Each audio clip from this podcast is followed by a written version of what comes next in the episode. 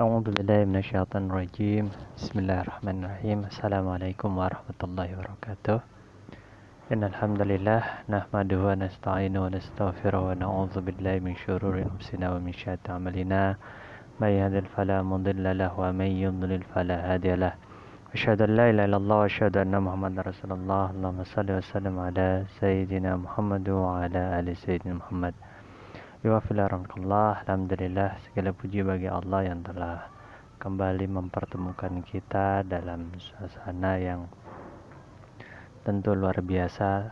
Apalagi sekarang kita berada di bulan Rabiul Awal. Semoga Allah senantiasa memberikan keberkahan untuk kita semua dan Allah SWT senantiasa mengistiqomahkan kita di jalannya Salat serta salam senantiasa kita curahkan kepada junjungan kita Nabi besar Muhammad sallallahu alaihi wasallam, Nabi yang mulia, Nabi sama-sama yang kita cintai bersama. Wafillah sebagaimana yang telah saya sampaikan bahwa kali ini kita akan membahas tentang uh, menjadi pemandu yang ngangenin. Ini menarik untuk kita bahas kenapa? Karena tidak banyak uh, di antara kita baik kita maupun yang lainnya menjadi seorang pemandu itu ngangenin gitu. maka kita paling tidak harus tahu dan bagaimana seharusnya menjadi seorang pemandu tersebut yang saya maksud pemandu ini adalah seseorang yang memiliki pemahaman tentang aspek-aspek pembinaan dan menjadi pengkader di tubuh kami dalam mengelola madrasah kami itu pemandu. Karena kita di kami menyebutnya sebagai pemandu. Sedangkan yang saya maksud ngangenin ini adalah memiliki daya magnet tersendiri memiliki kekhasannya tersendiri memiliki karisma.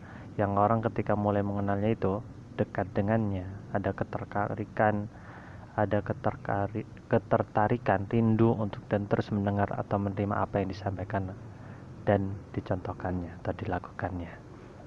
Itu ngangenin menurut versi saya. Barangkali teman-teman punya istilah tersendiri tapi paling tidak kurang lebih seperti itulah poinnya yaitu ada ya daya magnetnya.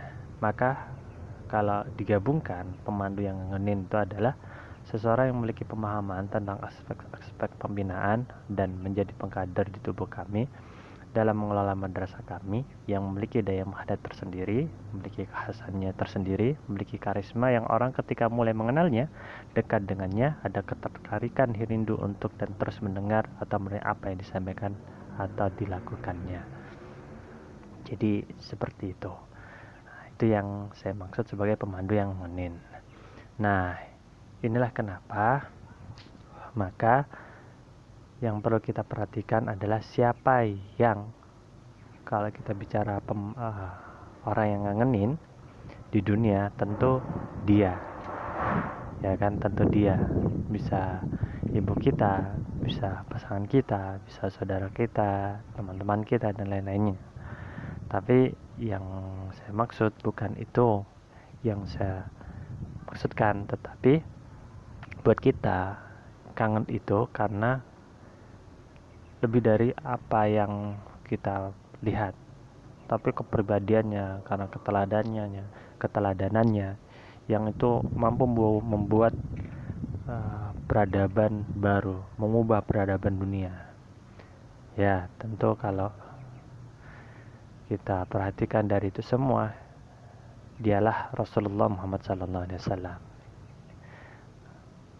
maka tidak salah bila Allah SWT menyampaikan dalam sebuah firmannya bahwa ia menjadi teladan untuk kita. Laqad kana lakum fi Rasulillahi usatun hasanah.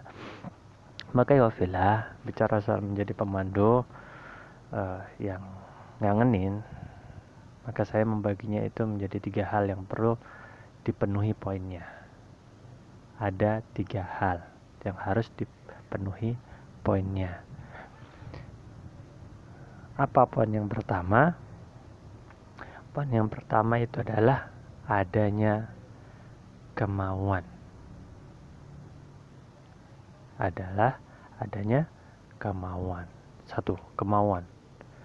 Jadi untuk menjadi pemandu yang ngenin punya kemauan. bicara soal kemauan, pada dasarnya tidak semua orang yang walaupun dia punya kesempatan, walaupun dia punya kemampuan, walaupun dia memiliki kepribadian yang layak untuk bisa menjadi teladan, belum tentu ia punya kemauan. Dan itu banyak faktor penyebabnya. Kenapa mereka bisa tidak mau menjalankannya menjadi seorang pemandu? Banyak contoh kasus barangkali antum sudah pernah melihat atau merasakan bagaimana teman-teman baik di tingkat komisariat maupun daerah yang itu punya kemampuan, yang itu punya uh, intinya cocoklah untuk menjadi pemandu. Menurut pandangan kita ternyata dalam kasusnya mereka tidak mau menjadi pemandu atau tidak memiliki kemauan yang kuat menjadi pemandu. Ini bisa karena banyak faktor Pertama bisa karena lemahnya fikrahnya, adanya penyakit syahwat dalam dirinya. Syahwat itu berbagai macam, bisa ada rasa sombong, ada rasa malas, ada rasa dengki dan seterusnya. Dan faktor pergaulan dianggap kurang keren dan seterusnya. Karenanya agar ada kemauan diperlukan yang namanya yang pertama itu adalah pemahaman ya pemahaman jadi pemahaman ini kalau kita didefinisikan sebagai sebuah proses berpikir dan belajar nah, dikatakan demikian karena pemahaman itu untuk menuju ke arah pemahaman perlu diikuti dengan belajar dan berpikir. Ya, kembali ke tadi bahwa Pemahaman itu didefinisikan sebagai proses berpikir dan belajar. Dikatakan demikian karena untuk menuju ke arah pemahaman perlu diikuti dengan belajar dan berpikir. Jadi ada sebuah edukasi. Nah, pemahaman ini merupakan proses perbuatan dan cara memahami. Cara memahami. Kalau dalam taksonomi Bloom Pemahaman itu adalah kesanggupan memahami setingkat lebih tinggi dari pengetahuan. Namun, tidaklah berarti bahwa pengetahuan tidak dipertanyakan sebab untuk dapat memahami perlu terlebih dahulu mengetahui atau mengenal. Jadi terus adanya pengenalan atau adanya edukasi. Pemahaman ini diperlukan agar pemikiran yang keliru itu dapat diluruskan, pemikiran yang kurang dapat kita tambahkan. Nah, pemahaman dari hal apa saja kalau kita dikaitkan dengan kepemanduan, yang pertama adanya pemahaman tentang pentingnya dakwah itu sendiri. Pentingnya dakwah itu sendiri itulah kenapa ketika kita memulai satu hal kita harus pahamkan tentang pentingnya dakwah. Nah, salah satu dalil yang menguatkan bahwa pentingnya itu dakwah ini sering disebutkan oleh teman-teman juga di hadis riwayat Muslim dari Abu Hurairah radhiyallahu anhu Rasulullah sallallahu alaihi wasallam bersabda barang siapa yang berdakwah kepada petunjuk kebaikan maka dia mendapatkan pahala seperti pahala yang mengikutinya tanpa mengurangi pahala mereka sedikit pun. Jadi ada jariah di sana. Memahamkan kepada mereka bahwa pentingnya dakwah itu ada nilai jariah di sana yang tidak akan terputus ketika dirinya meninggal. Jadi tabungan itu. Yang kedua, tidak hanya sekedar mereka dipahamkan tentang pentingnya dakwah, atau kita tidak sekedar memahami tentang pentingnya dakwah tapi juga adalah pentingnya menjadi pemandu peran dan fungsinya jadi harus paham tentang apa itu pemandu apa itu peran dan fungsinya kalau pemandu sudah kita jelaskan pemandu itu apa dan perannya adalah sebagai orang tua dalam hubungan secara emosional syekh dalam pendidikan ruhiyahnya, ustadz dalam mengajarkan ilmunya, pemimpin dalam amal dakwahnya. Itu perannya. Maka fungsinya adalah sebagai mensucikan jiwa dan mengajarkan ilmu serta mengajarkan cara beramal. Itu bicara soal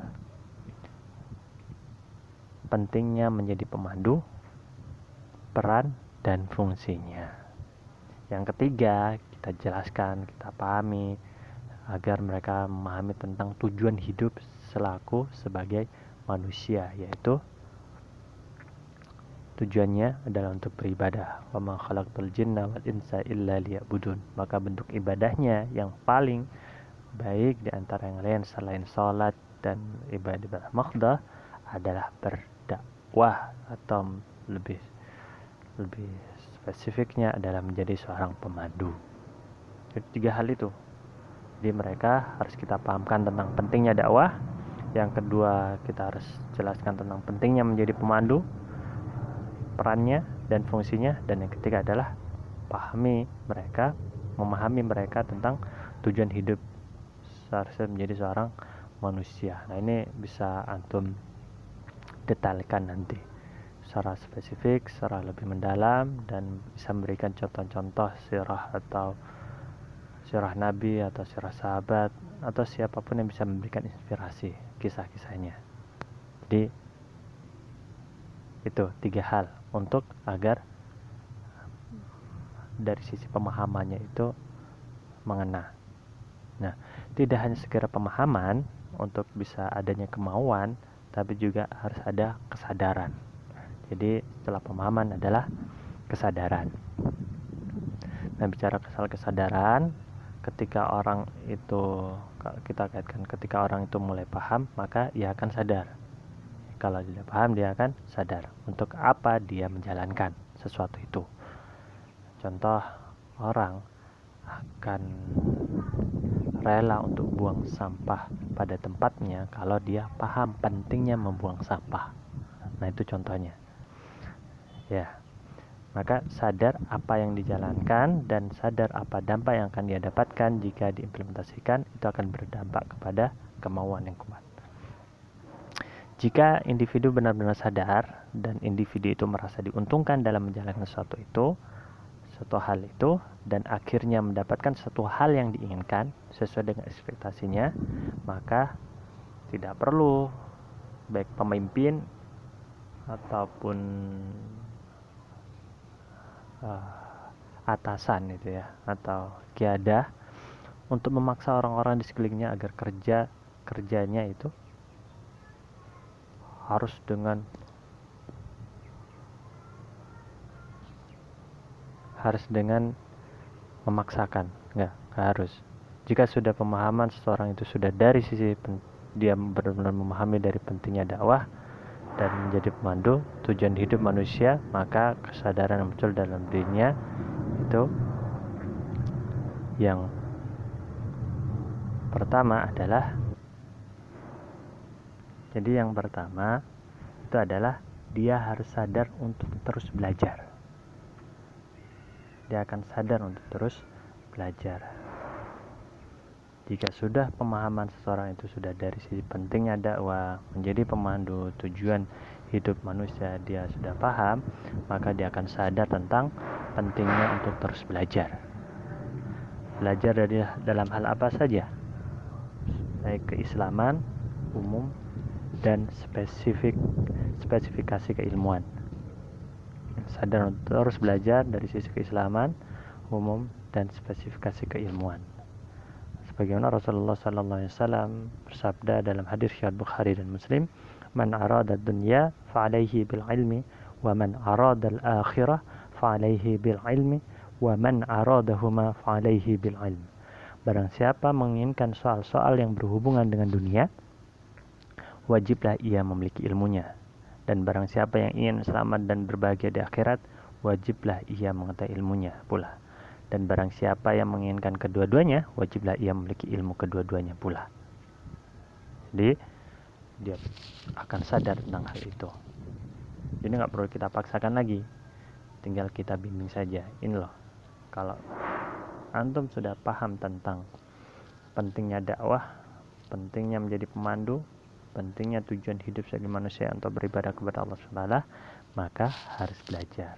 Tiga hal tentang keislaman tentang ilmu umum dan spesifikasi keilmuan yang ia pegang. Keislaman ya standarnya seperti apa dia paham tentang akidah dia dia lancar dalam bacaan Al-Quran dia hafal sekian juz dan seterusnya umum artinya dia sudah eh, paling tidak tahu dasar-dasar dari matematika sejarah geografi eh, bahasa dan seterusnya dan dia punya spesifikasi keilmuan tertentu yang harus dia punya pegang. Jadi itu sadar untuk terus belajar.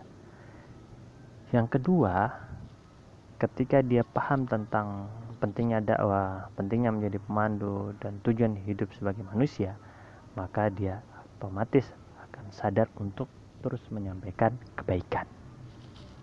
Sebagaimana dalam hadis riwayat Muslim dari Abu Hurairah bahwa Rasulullah SAW bersabda, Barang siapa yang berdakwah kepada petunjuk kebaikan maka dia mendapatkan pahala seperti pahala yang mengikutinya tanpa mengenai pahala mereka sedikit pun. Dan termasuk di hadis yang lain sampaikanlah dariku walaupun hanya satu ayat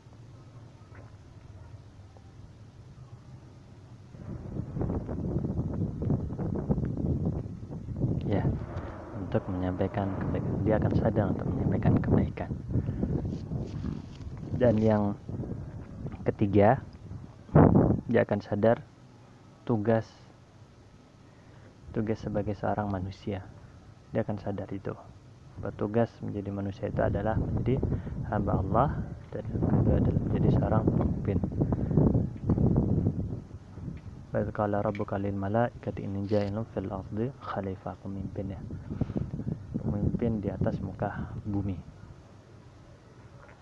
Maka filaramukullah di dalam dakwah bicara soal kemauan ini biasanya melekat dengan kata azam.